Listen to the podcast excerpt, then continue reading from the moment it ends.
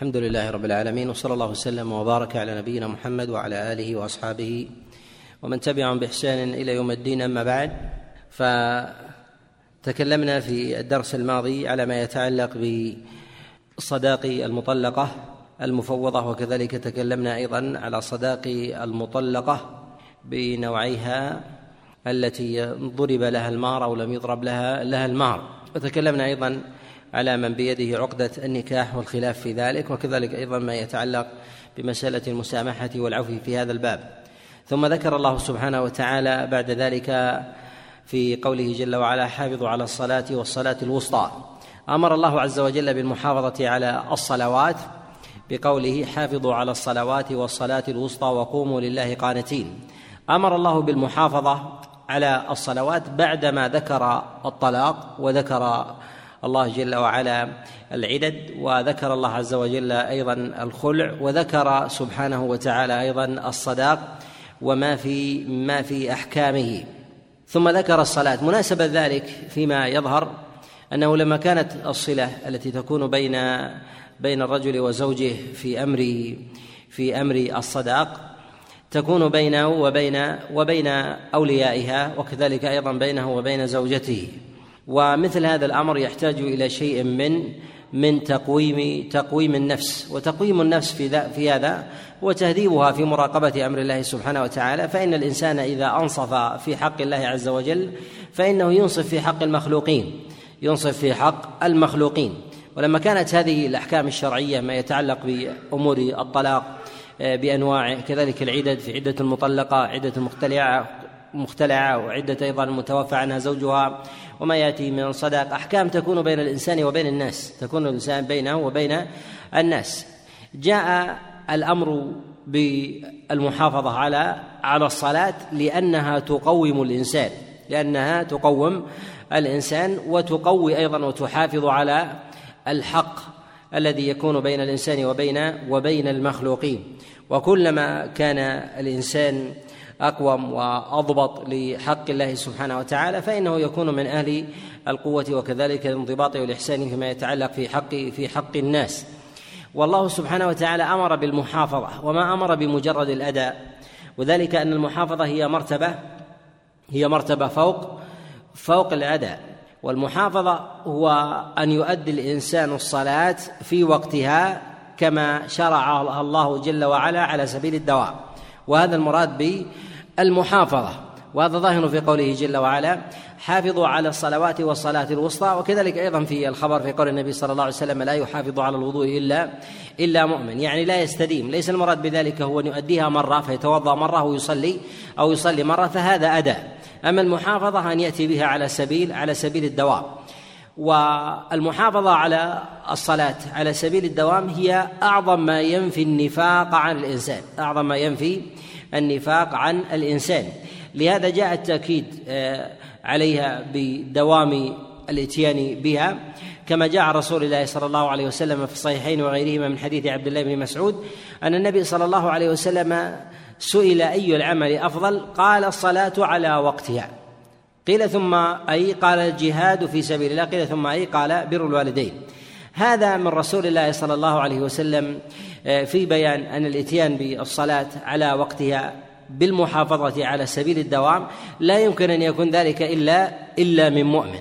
والحكمة فيما يظهر والله أعلم أن الله جل وعلا حينما جعل الصلاة آه، متعددة الأزمنة ومقسمة آه، مقسمة الوقت في اليوم في اليوم والليلة فإن الإنسان المنافق يستطيع أن يتكلف أن يتكلف آه، الانضباط والمحافظة على صلاة واحدة تصنعا تصنعا للناس. ولكن إذا كانت مخت... إذا كانت مفرقة على اليوم والليلة من أمور الليل والنهار فإن المنافق لا يمكن أن أن يحافظ عليها. قد يؤديها لكنه لا يحافظ عليها. لا يحافظ عليها يؤديها مرة أو مرتين لكنه لا يستطيع أن يواظب أن يواظب عليه. ولهذا تفرقت أزمنة أزمنة الصلاة في اليوم والليلة فأصبح المحافظ عليها ينفي خبث النفاق منه على مدار اليوم ينفي خبث النفاق منه على مدار اليوم فكلما جاء بصلاة كلما جاء بصلاة تلتها تلتها أخرى بعد ذلك بساعتين أو ثلاثة بحسب الفارق الذي يكون بين بين الصلوات. وهذا المراد به هو نفي النفاق عن الإنسان. كذلك أيضا التفريق بين المنافق الذي يحافظ على صلاة ولا يحافظ ولا يحافظ على صلاة أخرى. والله جل وعلا أيضا أمر بهذا بهذه الصلوات جميعا في قوله حافظوا على الصلوات والصلاة والصلاة الوسطى وقوموا لله لله قانتين. إذا المراد بذلك هو تقويم النفس وتهذيبه. وقد يؤخذ من هذه الآية أيضا أهمية العناية بأمر الصلاة عند التزويج عند التزويج. وذلك أن هذه الآية جاءت بعد فراق بعد أحكام الفراق والفصال الذي يكون بين بين زوج وزوجة لم يكن ثمة مسيس. وهو وهي يستقبلان أمرا أمرا جديدا من أمر الزواج.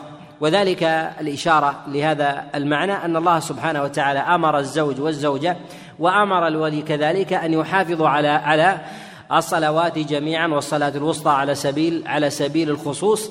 فإن ذلك أزكى وكذلك أيضا أصلح لحال لحال الإنسان. والله سبحانه وتعالى على ما تقدم إنما أمر بالمحافظة ولم يأمر بمجرد بمجرد الأداء. هل الصلوات المخاطب بها هي صلاة الفرائض؟ أم المراد بذلك هي عموم الصلوات؟ مراد بذلك هي الصلوات الفرائض الخمس. صلوات الفرائض الخمس. ويدخل في هذا صلاة الجمعة في يوم الجمعة خاصة في يوم الجمعة خاصة والقرينة على هذا أن الله سبحانه وتعالى إذا أمر بشيء فإن الأمر يتوجه إلى الفرض ولا فرض على الإنسان في يومه وليلته إلا الصلوات إلا الصلوات الخمس وما عداها فإنها فإنها من النوافل فإنها من من النوافل. ثم أيضا إن الله سبحانه وتعالى أمر بالمحافظة أيضا على الصلاة الوسطى ولو قلنا بدخول النوافل في ذلك لم يكن ثمة وجه لتحقق الصلاة الوسطى بين فرائض ونوافل فإن هذا فإن هذا لا لا ينضبط. ولهذا أمر الله سبحانه وتعالى بالمحافظة على على الفرائض. وذلك لأن الفرائض أزكى اثرا على الإنسان أزكى اثرا على الإنسان وأقوى في ما يؤديه من عبادات. ولهذا نقول إن من من الأصول الشرعية أن ما أوجبه الله سبحانه وتعالى من دخل المسجد فليتسنن. يؤدي تحية المسجد. الله سبحانه وتعالى حينما أمر ب حينما يأمر بعبادة من العبادات فإن الخطاب يتوجه إلى الفرض. يتوجه إلى الفرض لا يتوجه إلى النفل. وأداء الفرض أعظم من أداء النفل. أداء الفرض أعظم من أداء من أداء النفل. وأثره أيضا على الإنسان أعظم. فإذا قلنا إن صلاة النافلة تزكي الإنسان وتبرئه من النفاق فإن صلاة الفريضة أعظم. كذلك وآكد وآكد عليه وكذلك من وجوه الأمر بالمحافظة على الصلاة وأثرها في في آه، في النفاق أن أنه على ما تقدم المنافق قد يتصنع ويتكلف بالأداء بأداة صلاة صلاة واحدة ونحو ذلك لكن أن يحافظ على الجميع على سبيل الدوام هذا من الأمور الشاقة والتي لا تكون إلا مؤمن لماذا؟ لأن الإنسان إذا حافظ على الصلاة على الصلوات الخمس في يومه وليلته فإن الذي يحضر هذه الصلاة ربما يتباين عن الذي يحضر الصلاة الأخرى عن الصلاة الأخرى والذي يحضر تلك يختلف عن عن تلك في في كثير في كثير من الأحيان. فإذا جاء الإنسان منضبطا في الصلوات الخمس كلها فمعلوم أنه لا يرجو إلا لا يرجو إلا واحدا وهو الله وهو الله سبحانه سبحانه وتعالى. وفي قوله جل وعلا والصلاة الوسطى هذه الآية في قوله جل وعلا والصلاة الوسطى هي من مواضع الخلاف عند العلماء من مواضع الخلاف عند عند العلماء. والخلاف فيها قديم حتى في زمن الصحابة عليهم رضوان الله تعالى كما روى ابن جرير الطبري عليه رضوان الله من حديث قتادة عن سعيد المسيب قال اختلف أصحاب رسول الله صلى الله عليه وسلم في الصلاة الوسطى اختلافا شديدا حتى كانوا هكذا وشبك بين أصابعه يعني أن الخلاف الذي يكون بينهم في تفسير الصلاة الوسطى خلاف خلاف عريض. الأقوال في ذلك عن عن عند الفقهاء كثيرة. الأقوال في هذه المسألة هي هي ليست بالقليلة. آه، بلغت عشرين قولا بلغت عشرين قولا في الصلاة الوسطى. منها ما هي أقوال ضعيفة مطروحة ومنها ما هي سيرة الضعف ومنها ومنها ما هي ما هي قوية. والفروض الخمسة كلها جاء فيها قول. فجاء إنها صلاة العصر وجاء إنها صلاة الصبح وجاء إنها صلاة الظهر والمغرب والعشاء وجاء أيضا إنها صلاتين. منهم من قال إنها صلاة المغرب وصلاة العصر هي تسمى الوسطى ومنهم من قال إنها صلاة الظهر والعصر ومنهم من قال إنها صلاة العشاء وصلاة وصلاة العصر ومنهم من قال إنها صلاة الجمعة ومنهم من قال ومنهم من قال إنها صلاة الوتر ومنهم من قال إنها صلاة صلاة الضحى ومنهم من قال إن الله عز وجل لم يعينها وإنما وإنما تركها الله سبحانه وتعالى وأخفاها ليحافظ الإنسان على على الصلوات فإذا حافظ عليها وجدها. وكأنهم يفسرون هذا بحال خفاء ليلة القدر. هذا جاء عن عبد الله بن عمر عليه رضوان الله كما رواه نافع عن عبد الله بن عمر أنه سئل عن الصلاة الوسطى فقال هي فيهن فحافظوا عليهن كلهن. وهذا منه عليه رضوان الله إشارة إلى آه، إشارة إلى أنها غير محددة. وينبغي أن نعلم أن الأصول الشرعية أن الأصول الشرعية في تفاضل العبادات لها جهات متعددة أن تفاضل العبادات له جهات جهات متعددة. منها ما هو ثابت لا يتحول ما دل عليه الدليل في فضل عبادة بعينها لا يمكن أن يتحول إلى إلى غيرها. وذلك مثلا كصلاة الليل فإن صلاة الليل آه، الرحمن ينزل في الثلث الأخير من الليل ونزول الرحمن ثابت نزول الرحمن ثابت ففضل صلاة الليل ثابتة على أي حال على أي حال كان. وثمة وجه من وجوه التفضيل وهو المشقة وهو المشقة. كلما كان أداء الصلاة أشق أداء الصلاة أشق على الإنسان كان الثواب من الله سبحانه وتعالى أعظم. هذا يتحول بحسب الزمان والمكان. هذا يتحول بحسب بحسب الزمان والمكان. فربما يكون في زمان فرض من من الصلوات أشق من زمن من زمن آخر. ولهذا نجد أنه في الصدر الأول صلاة العشاء شاقة. لماذا؟ لأنها موضع ضجعه ونوم ولهذا جاء الحديث بالنهي عن عن النوم قبل صلاة العشاء. يعني يخشى على الإنسان أن يفوت أن يفوت صلاة صلاة العشاء. هذه صلاة العشاء أصبحت ميسورة على الناس في الزمن المتأخر في زماننا وهي أيسر على على الأوائل. ولهذا نقول إنه إذا اجتمعت أسباب التفضيل على عبادة فهي أفضل من غيرها فهي أفضل من غيرها وأفضل من العبادة التي التي تتقسم فيها أسباب التفضيل أسباب التفضيل. ولهذا نقول إن الصلاة إذا كانت على الإنسان أشق فإن ثوابها له عند الله عز وجل أعظم فإنه عند الله عز وجل أعظم. ولهذا الأصل في الإنسان أنه ينام في الليل ينام في الليل ويستيقظ ويضرب في الأرض في في النهار. كانت صلاة الليل أفضل لأسباب. من هذه الأسباب خفاؤها باعتبار أن الإنسان يستتر بهذه الصلاة ولا يراه أحد والناس نيام أهل داره والناس أيضا الأبعدين عنه لا يرونه لا لا يرونه. فيؤدي الصلاة في ذلك أسر وأخفى فيؤديه لله عز وجل خالصا. ومن وجوه التفضيل أيضا ما هو ثابت لا يتحول ما يتعلق مما يتعلق ب بنزول الرحمن في الثلث الأخير من الليل الثلث الأخير من الليل. لو أن إنسانا في زمن متأخر مثلا أصبح عمله في الليل وينام في النهار. فهل الصلاة في ذلك تتغير؟ نقول أنه يؤدي الصلاة في النهار أفضل من صلاة من صلاة الليل. أم التفضيل في ذلك ثابت؟ التفضيل في ذلك ثابت هو نزول الرحمن سبحانه وتعالى. وأما بالنسبة للمشقة فتنتقل. المشقة والإصرار ينتقل يبقى يبقى هذا الأمر. فإذا استطاع الإنسان أن يؤدي العبادة سرا في النهار في النهار فنقول فضل الاصرار ينتقل بحسب الحال. والمشقة تتحول أيضا من زمن إلى زمن ويبقى الفضل الثابت الذي لا يتغير بحسب بحسب العبادة التي التي جاء جاء الأمر جاء الأمر بها من الشارع. ولهذا نقول فضل صلاة الليل ثابتة.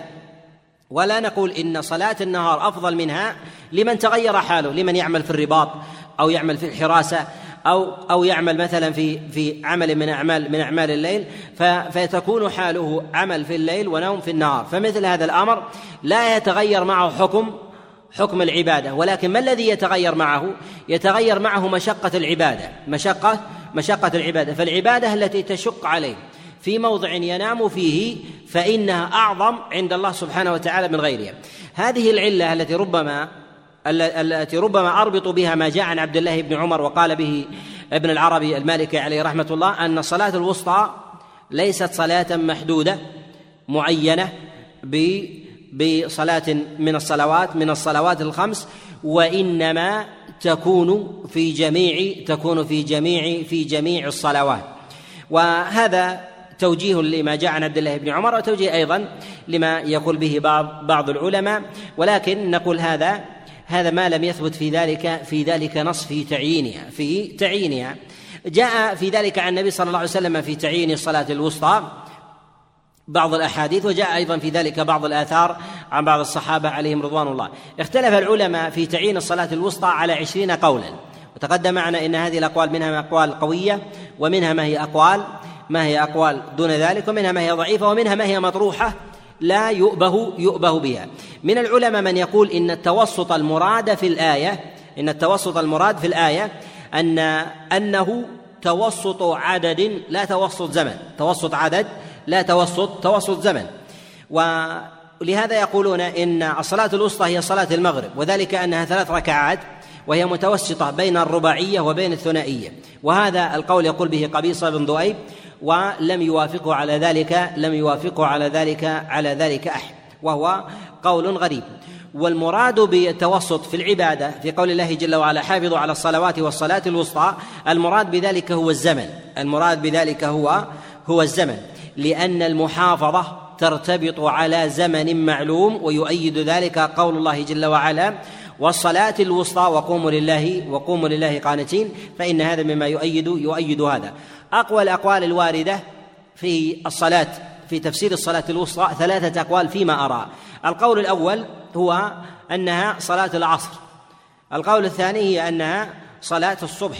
القول الثالث أنها عامة. أنها عامة لا تحدد في صلاة في صلاة بعينها. أقوى هذه الأقوال هي أنها أنها صلاة العصر. وجاء في ذلك جملة من الأحاديث عن رسول الله صلى الله عليه وسلم وبهذا يقول جماهير أكثر وأكثر الصحابة عليهم رضوان الله. جاء هذا عن علي بن أبي طالب عليه رضوان الله كما رواه عبيدة السلماني عن علي بن أبي طالب أنه قال إن الصلاه الوسطى هي صلاه صلاة العصر. وجاء هذا أيضا عن عبد الله بن مسعود وأبي بن كعب وعبد الله بن عباس وجاء عن أبي هريرة وغيرهم أيضا من أصحاب رسول الله صلى الله عليه وسلم. ويقول الترمذي رحمه الله في كتابه السنن يقول قال بهذا القول أكثر الصحابة عليهم رضوان الله. وذهب إلى هذا أيضا جمهور جمهور الفقهاء. ذهب إليه الإمام مالك وأبو حنيفة وكذلك الإمام الإمام أحمد عليه عليه رحمة الله. وهو قول للشافعي يحكيه بعض بعض فقهاء الشافعية عن الإمام الشافعي رحمه الله والأرجح والأصوب في قول الشافعي لأنه يقول إن صلاة صلاة الصلاة الوسطى إنما هي صلاة إنما هي صلاة الصبح لا صلاة العصر. وهذا القول المشهور عنه في في قوله الجديد وغيره.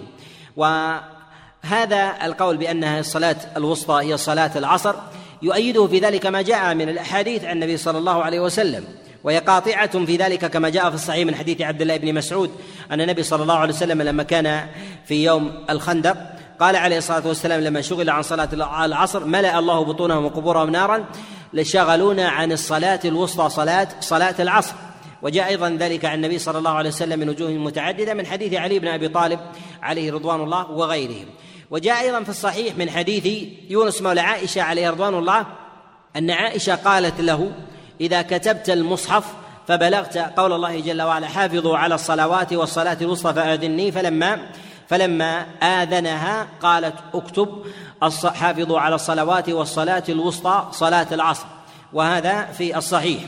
وجاء أيضا من حديث آه، حفصة عليه رضوان الله تعالى أيضا من هذا من هذا من حديث من حديث نافع عن عبد الله من حديث نافع عن حفصة عليه رضوان الله تعالى أنها قالت نحو هذا القول في كتابة المصحف حفظوا على الصلوات والصلاة الوسطى قالت اكتب صلاة صلاة صلاة العصر. وأصح الأدلة في ذلك المرفوعة عن النبي صلى الله عليه وسلم على أن المراد بالصلاة الوسطى هي صلاة هي صلاة العصر.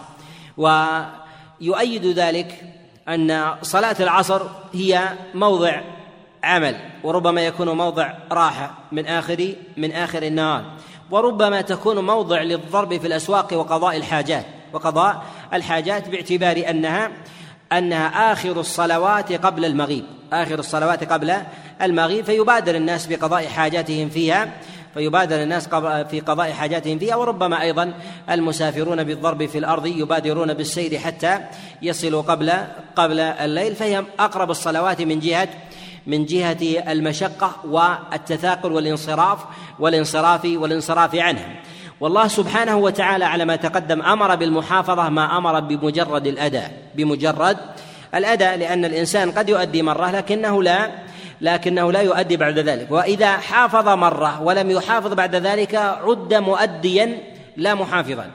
عد مؤديا لا لا محافظا.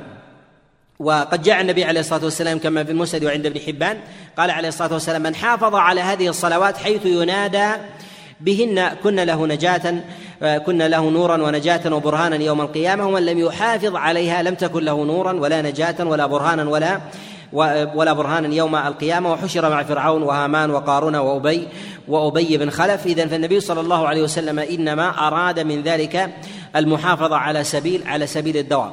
ونستطيع أن نأخذ من ذلك أن الإنسان أن الإنسان إذا أدى الصلاة مرة ثم تركها مرات ثم تركها مرات. كالذي يؤديها يوم ثم يدعها أيام أو يؤديها مثلا أسبوع ثم يدعها أشهر. هذا ليس بمؤد أصلا ليس بمؤد آه، أصلا. وهذا في حكم التارك للصلاة للصلاة بالكلية. القول الثاني من الأقوال أن إلى أنها هي صلاة صلاة الصبح إلى أنها صلاة الصبح. هذا صح عن عبد الله بن عباس من أصحاب رسول الله صلى الله عليه وسلم بل إنه أصح الأقوال عنه أصح الأقوال هذا أقوال عنه وهو قول الإمام الشافعي رحمه الله.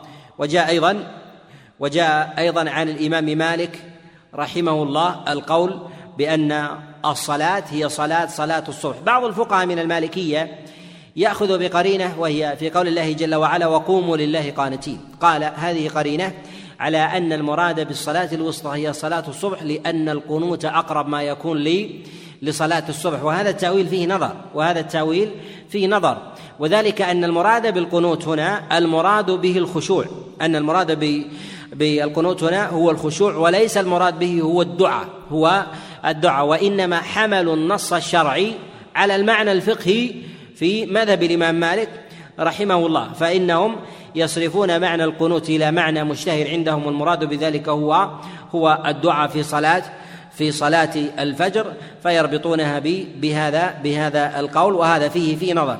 ولديهم تعليل في ذلك أنهم يقولون أن صلاة إن صلاة الصبح هي متوسطة بين صلاتين وصلاتين بين نهاريتين وليليتين. بين المغرب والعشاء وهما من صلاة الليل وبين الظهر والعصر وهما من صلاة من صلاة النهار فتتوسط بينها. نقول مثل هذا التعليل إنما يحتاج إليه عند فقد الدليل عند فقد الدليل ولا يصار إلى تعليل مع وضوح الدليل مع وضوح الدليل. وكلما ضعف الدليل فإنه يؤخذ يؤخذ بالتعليل ويكون في ذلك في ذلك مرجحا. جاء في ثمة قول وهو القول الثالث ويلي هذه الأقوال والقول بأن بأنها في الصلوات الخمس. قد تكون صلاة العصر وقد تكون صلاة المغرب وقد تكون صلاة العشاء وقد تكون صلاة صلاة الفجر أو الظهر. وهذا التحول إما أن يحمل على أن الله سبحانه وتعالى أخذها ليحرص الإنسان على جميع على جميع الصلوات أو ربما إن المراد بذلك على اختلاف حال الإنسان على اختلاف حال الإنسان ومشقته.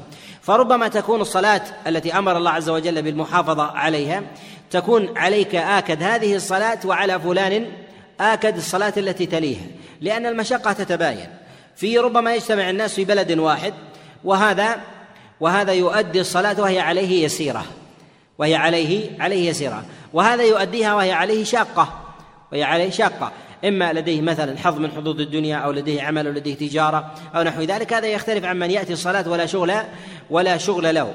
فالذي تركها مع ترك ترك مشقة الدنيا ومشقة الدنيا وأقبل على الصلاة مع هم وتعلق بهذه الدنيا فإنه أعظم عند الله عز, عز وجل أجرا. ولا ينقص ذلك من أجر المؤدي الذي يؤديها ولا حظ له في الدنيا ولا مشقة عنده وإنما يؤتى أجر الصلاة ولكن ذاك يؤتى أجر المشقة.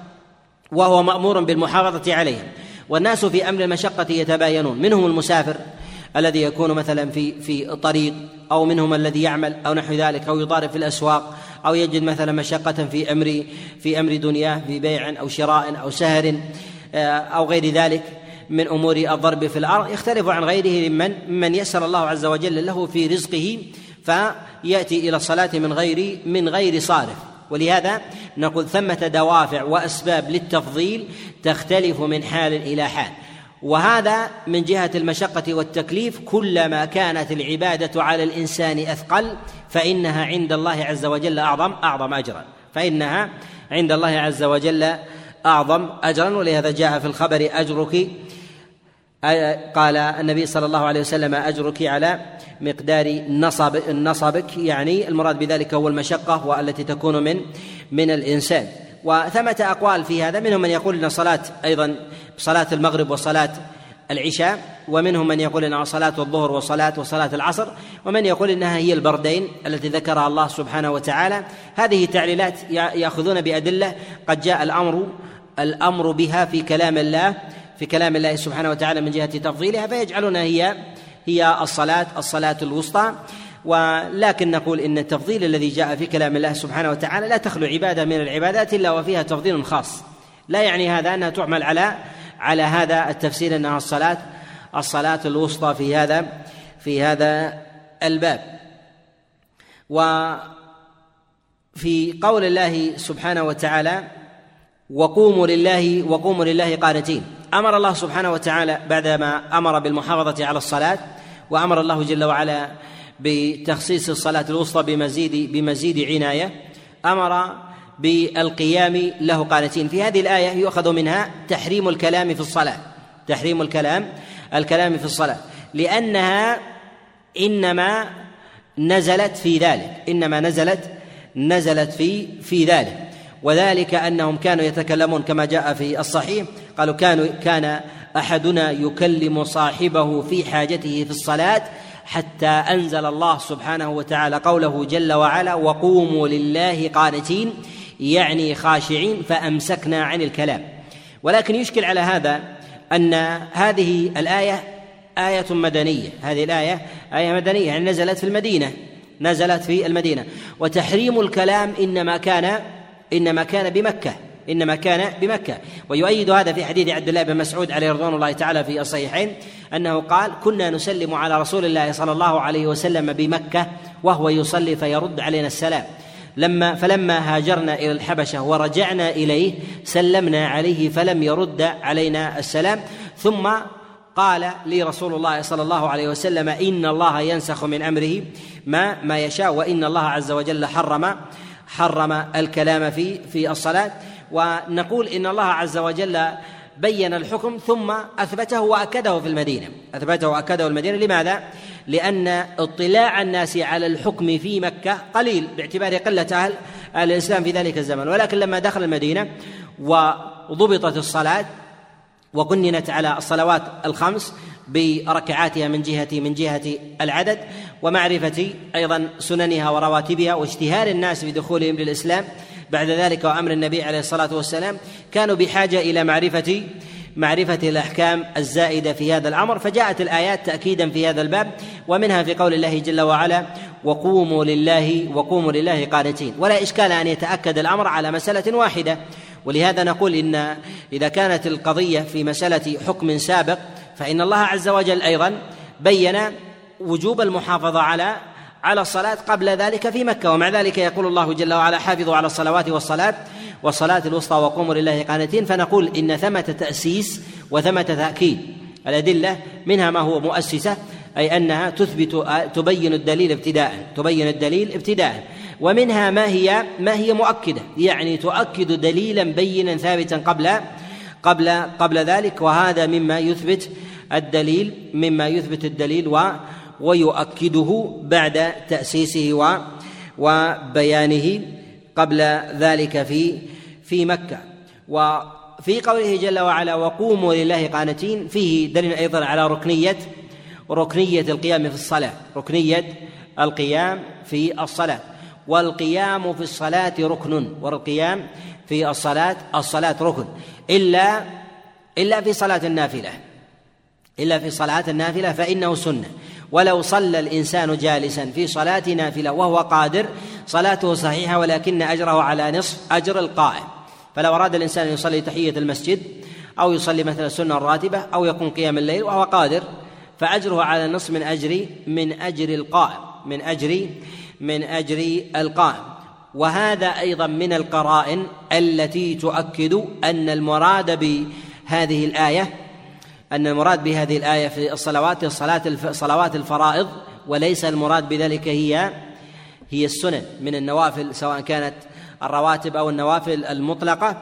ولأن الله عز وجل ما أمر بالقيام وجوبا إلا في صلاة إلا في صلاة الفريضة وما عدا ذلك فهو فهو السنة لقول النبي صلى الله عليه وسلم قال صلاة القاعد على النفس من صلاة من صلاة القائم وقوله جل وعلا وقوموا لله لله قانتين من العلماء من فسر القنوت هنا بالخشوع وهذا هو الأشهر ومنهم فسره في ذلك بطول القيام بطول القيام. وبهذا أخذ بعض العلماء على أن طول القيام في الصلاة أفضل من من تخفيفها مع كثرة السجود تخفيفها مع كثرة سجود وهذه من مواضع الخلاف فايها أفضل؟ صلاة تؤدى في زمن واحد ركعتين أفضل أم يؤدي أربعا في في الوقت نفسه يؤدي أربعا في الوقت نفسه. فهل آه، ركعتان في ساعة أفضل أم أربع ركعات في تلك في تلك الساعة؟ منهم من فضل طول القيام منهم من فضل طول طول القيام ومنهم من فضل من فضل كثرة السجود. ولكن نقول إن ثمة تفصيل في هذا في هذا الباب لا بد من من القول القول به. وهذا التفصيل وهو أن ما جاء تفضيل الصلاة تفضيل عدد الركعات به فهو فهو آكد أن أن يؤدى العدد. مثال ذلك في مسألة قيام الليل في أداء صلاة الليل 11 ركعة فإن الإنسان يؤديها بهذا بهذا العدد. فلا نقول للإنسان إذا أدى ركعتين طول الليل إذا مثلا كان حظه من صلاة الليل بساعة أو ساعتين فإنه يصلي ركعتين في الساعة أو الساعتين أفضل من صلاة 11 ركعة في في هذا في هذا الوقت. لا نقول بذلك لماذا؟ نقول لأن العدد في ذلك مشروع لأن العدد في ذلك في ذلك مشروع. ونظير هذا أيضا ما جاء في السنن في سنن الرواتب كسنة القبلية لصلاة الظهر أربعا. فإذا كان الإنسان يتمكن من أداء العبادة فهل يؤدي في الزمن الذي يراه الذي الذي آه، يراه متسعا لعبادته ركعتين أم يؤدي في زمن هاتين الركعتين أربعا وأقرب لي للسنة؟ نقول ما أتى بالأركان والواجبات وما أتى بالسنن فإنه يأتي بأربع أفضل من أفضل من من الركعتين. هذا تعصير لا خلاف لا خلاف فيه وإنما الخلاف فيما عدا ذلك. ما الخلاف؟ فيما عدا فيما عدا ذلك. وفي قول الله سبحانه وتعالى فإن خفتم فرجالا أو ركبانا. بعدما ذكر الله سبحانه وتعالى المحافظة على الصلوات الخمس وأكد الله جل وعلا الأمر بالصلاة الصلاة الوسطى أمر الله سبحانه وتعالى أو بين الله جل وعلا ما يتعلق بأمر الخوف وهذا الخوف متعلق بزمن الحرب والجهاد في سبيل الله إذا التحم الصفان إذا التحم الصفان. فهل يجب على الإنسان أن يحافظ على ما أمر الله عز وجل به من أداء من أداء الصلاة أم أن ذلك يحتمل تيسيرا؟ هذا من اليسر في الدين حتى لا يظن أن الله عز وجل أمر بهذا الأمر امرا قاطعا لا ينفك بحال من الأحوال مهما اشتدت الحال أو تعسر الأمر فيجب عليه أن يؤدي ذلك ذلك الأمر. فالله سبحانه وتعالى خفف على عباده ويسر فبين ما يكون من الإنسان من أمر الخوف من أمر الخوف في قوله, قوله جل وعلا فإن خفتم فرجالا أو ركبانا فرجالا أو ركبانا. ينبغي أن نبين أن صلاة الخوف من جهة أدائها يأتي كلام الكلام عليها بإذن الله عز وجل في غير هذا الموضع. ولكن هذا أراد الله سبحانه وتعالى أن يبين أن المحافظة على الصلاة في وقتها ليست لازمة لمن لمن طرأ عليه خوف شديد لمن طرأ عليه خوف شديد من صائل أو التقاء الصفين أو نحو ذلك. وصلاة الخوف وصلاة الخوف التي شرعها الله سبحانه وتعالى شرعها الله سبحانه وتعالى بعد يوم الخندق بعد يوم يوم الخندق. وذلك أن النبي صلى الله عليه وسلم حينما شغل عن الصلاة قال عليه الصلاة والسلام شغلونا عن الصلاة الوسطى. صلاة صلاة العصر.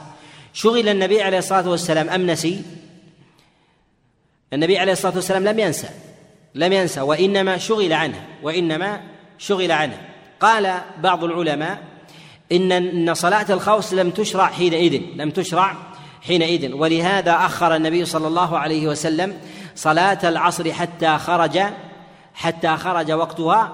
ثم بعد ذلك شرع الله عز وجل له صلاة ثم شرع الله عز وجل له صلاة صلاة الخوف. هذا الأمر يتعلق بماذا؟ يتعلق بتلك الحال. قيل أنه نسخ أنه نسخ وأنه لا بد من الإتيان بالصلاة كما أمر الله سبحانه وتعالى كما أمر الله جل وعلا. ان ياتي الإنسان بمحافظا على هذه الصلوات الخمس كما أمر الله في حال الأمن وفي حال الخوف لا بد أن يؤديها. إذا لم يستطع أن يؤديها فإنه يؤجلها ولو بعد ولو بعد ذلك. ولهذا اختلف العلماء في أداء الإنسان صلاته في زمن الخوف راكبا أو راجلا منفردا. راكبا أو راجلا من منفردا. اختلف العلماء في ذلك على على قولين.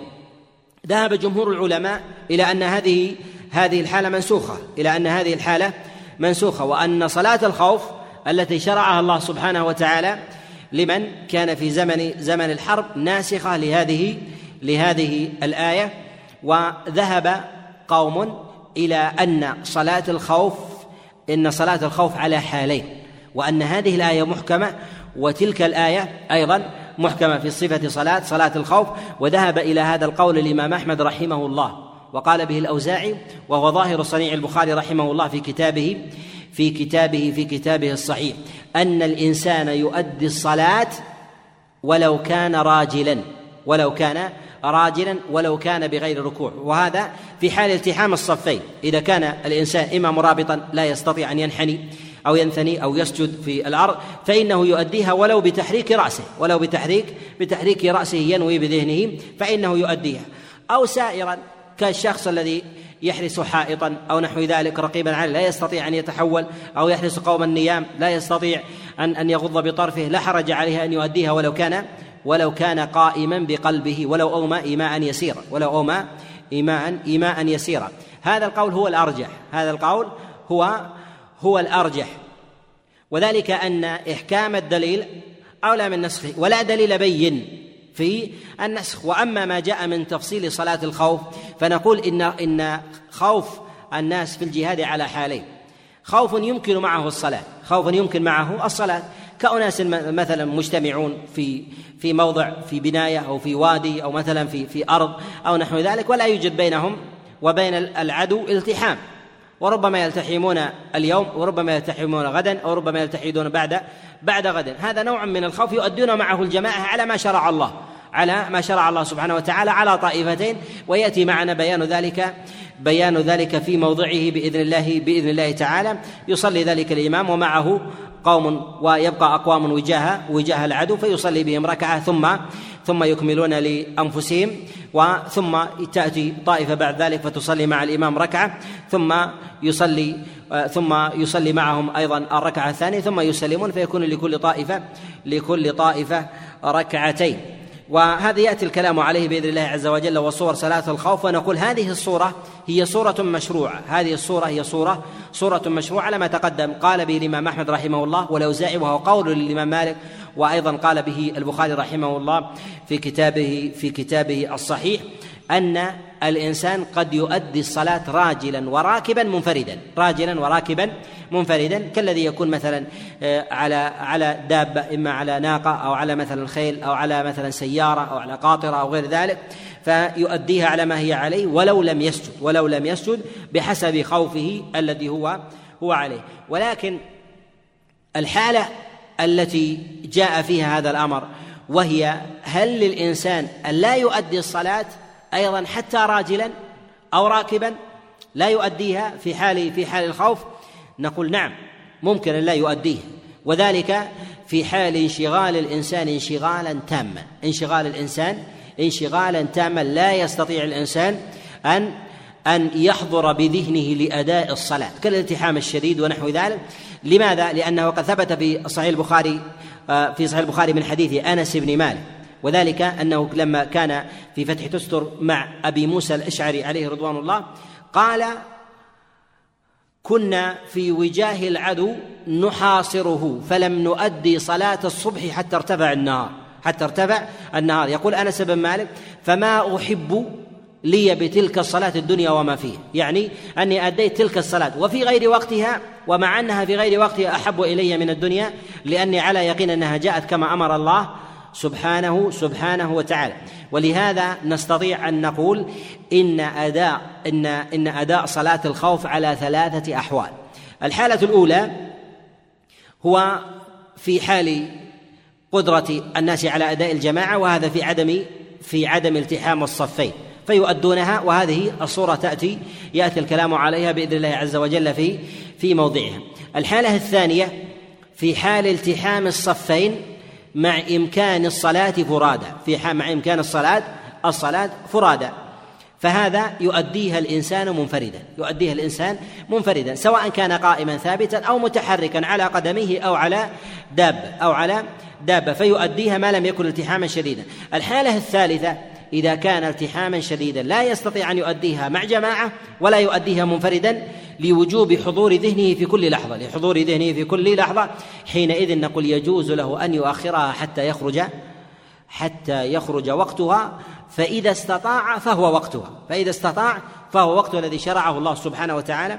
وكما جاء في حديث أنس بن مالك عليه رضوان الله تعالى وهذا تخفيف من الله ورحمة. تخفيف من الله جل وعلا ورحمة لعباده. وفي قول الله سبحانه وتعالى فإن خفتم فرجالا أو ركبانا فإذا أمنتم فاذكروا الله.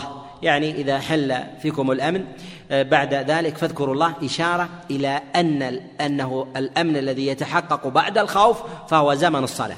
كما في قول الله جل وعلا وأقم الصلاة لذكري. فإذا تذكرت بعد نسيان فإتيانك للصلاة بعد ذلك. النسيان هو هو الوقت. وقد جاء النبي عليه الصلاة والسلام أيضا في الصحيح قال من نام عن صلاة أو نسيها فليصليها إذا ذكرها لا كفارة لها إلا إلا ذلك. يعني في حال تذكرها فتلك هي فتلك هي الصلاة وهو وقتها الذي أداها. كذلك في مسألة الخوف والأمن هي كحال النسيان والتذكر. إذا كان الإنسان خائفا ثم تذكر بعد خوفه فإنه يؤدي الصلاة بعد بعد بعد زوال الخوف وعند تحقق الأمن وهو وقتها الذي أوجبها الله سبحانه وتعالى وكأن التكليف انتقل من زمن الخوف إلى زمن إلى زمن الأمن وهذا ظاهر في قول الله جل وعلا فإذا أمنتم فاذكروا الله فاذكروا الله المراد بذكر الله هو الصلاة المراد بذكر الله هو هو أداء الصلاة.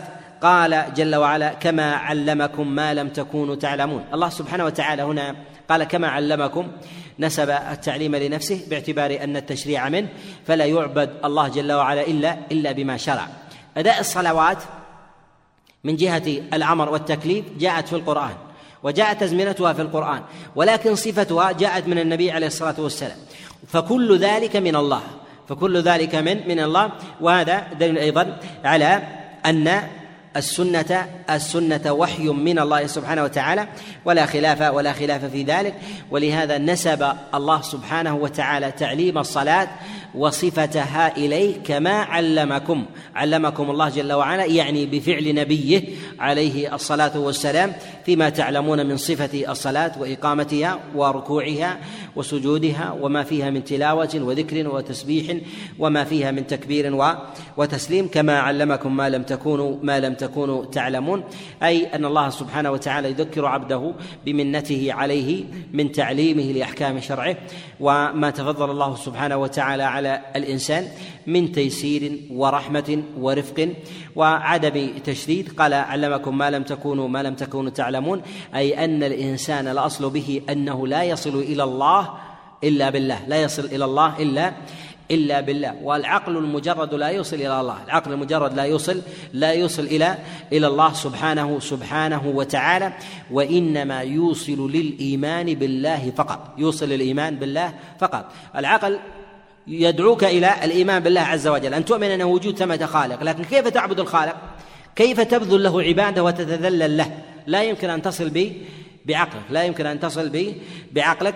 ولهذا نقول في أصل الإيمان يدل عليه وازع الطبع الفطري. ولهذا جميع أصحاب الفطر في الأرض يؤمنون بوجود خالق. ولكن من كان ثمة حبل من الرحمن ممدود إليه عرف ماهية هذا الخالق. ولهذا يتحيرون. العقل يدل مجرد على وجود خالق. أين يضع الخالق؟ منهم من يجعله في كوكب ومنهم من يجعله في حيوان ومنهم من يجعله في بقر منهم من يجعله في فأر. ومنهم من من يجعله في حشرة ومنهم يجعله في جن وغير ذلك.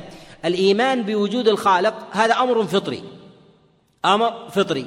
ولكن لا يهتدي الإنسان إلى إلى عبوديته ومعرفة صفته واسمه سبحانه وتعالى إلا به جل جل جل وعلا. ولهذا نقول من لم يهتدي بالوحي إلى الله لا يمكن أن يصل إلى الله. لا يمكن ان أن يصل إلى إلى الله وإنما يضلون في هذا في هذا في هذا الباب.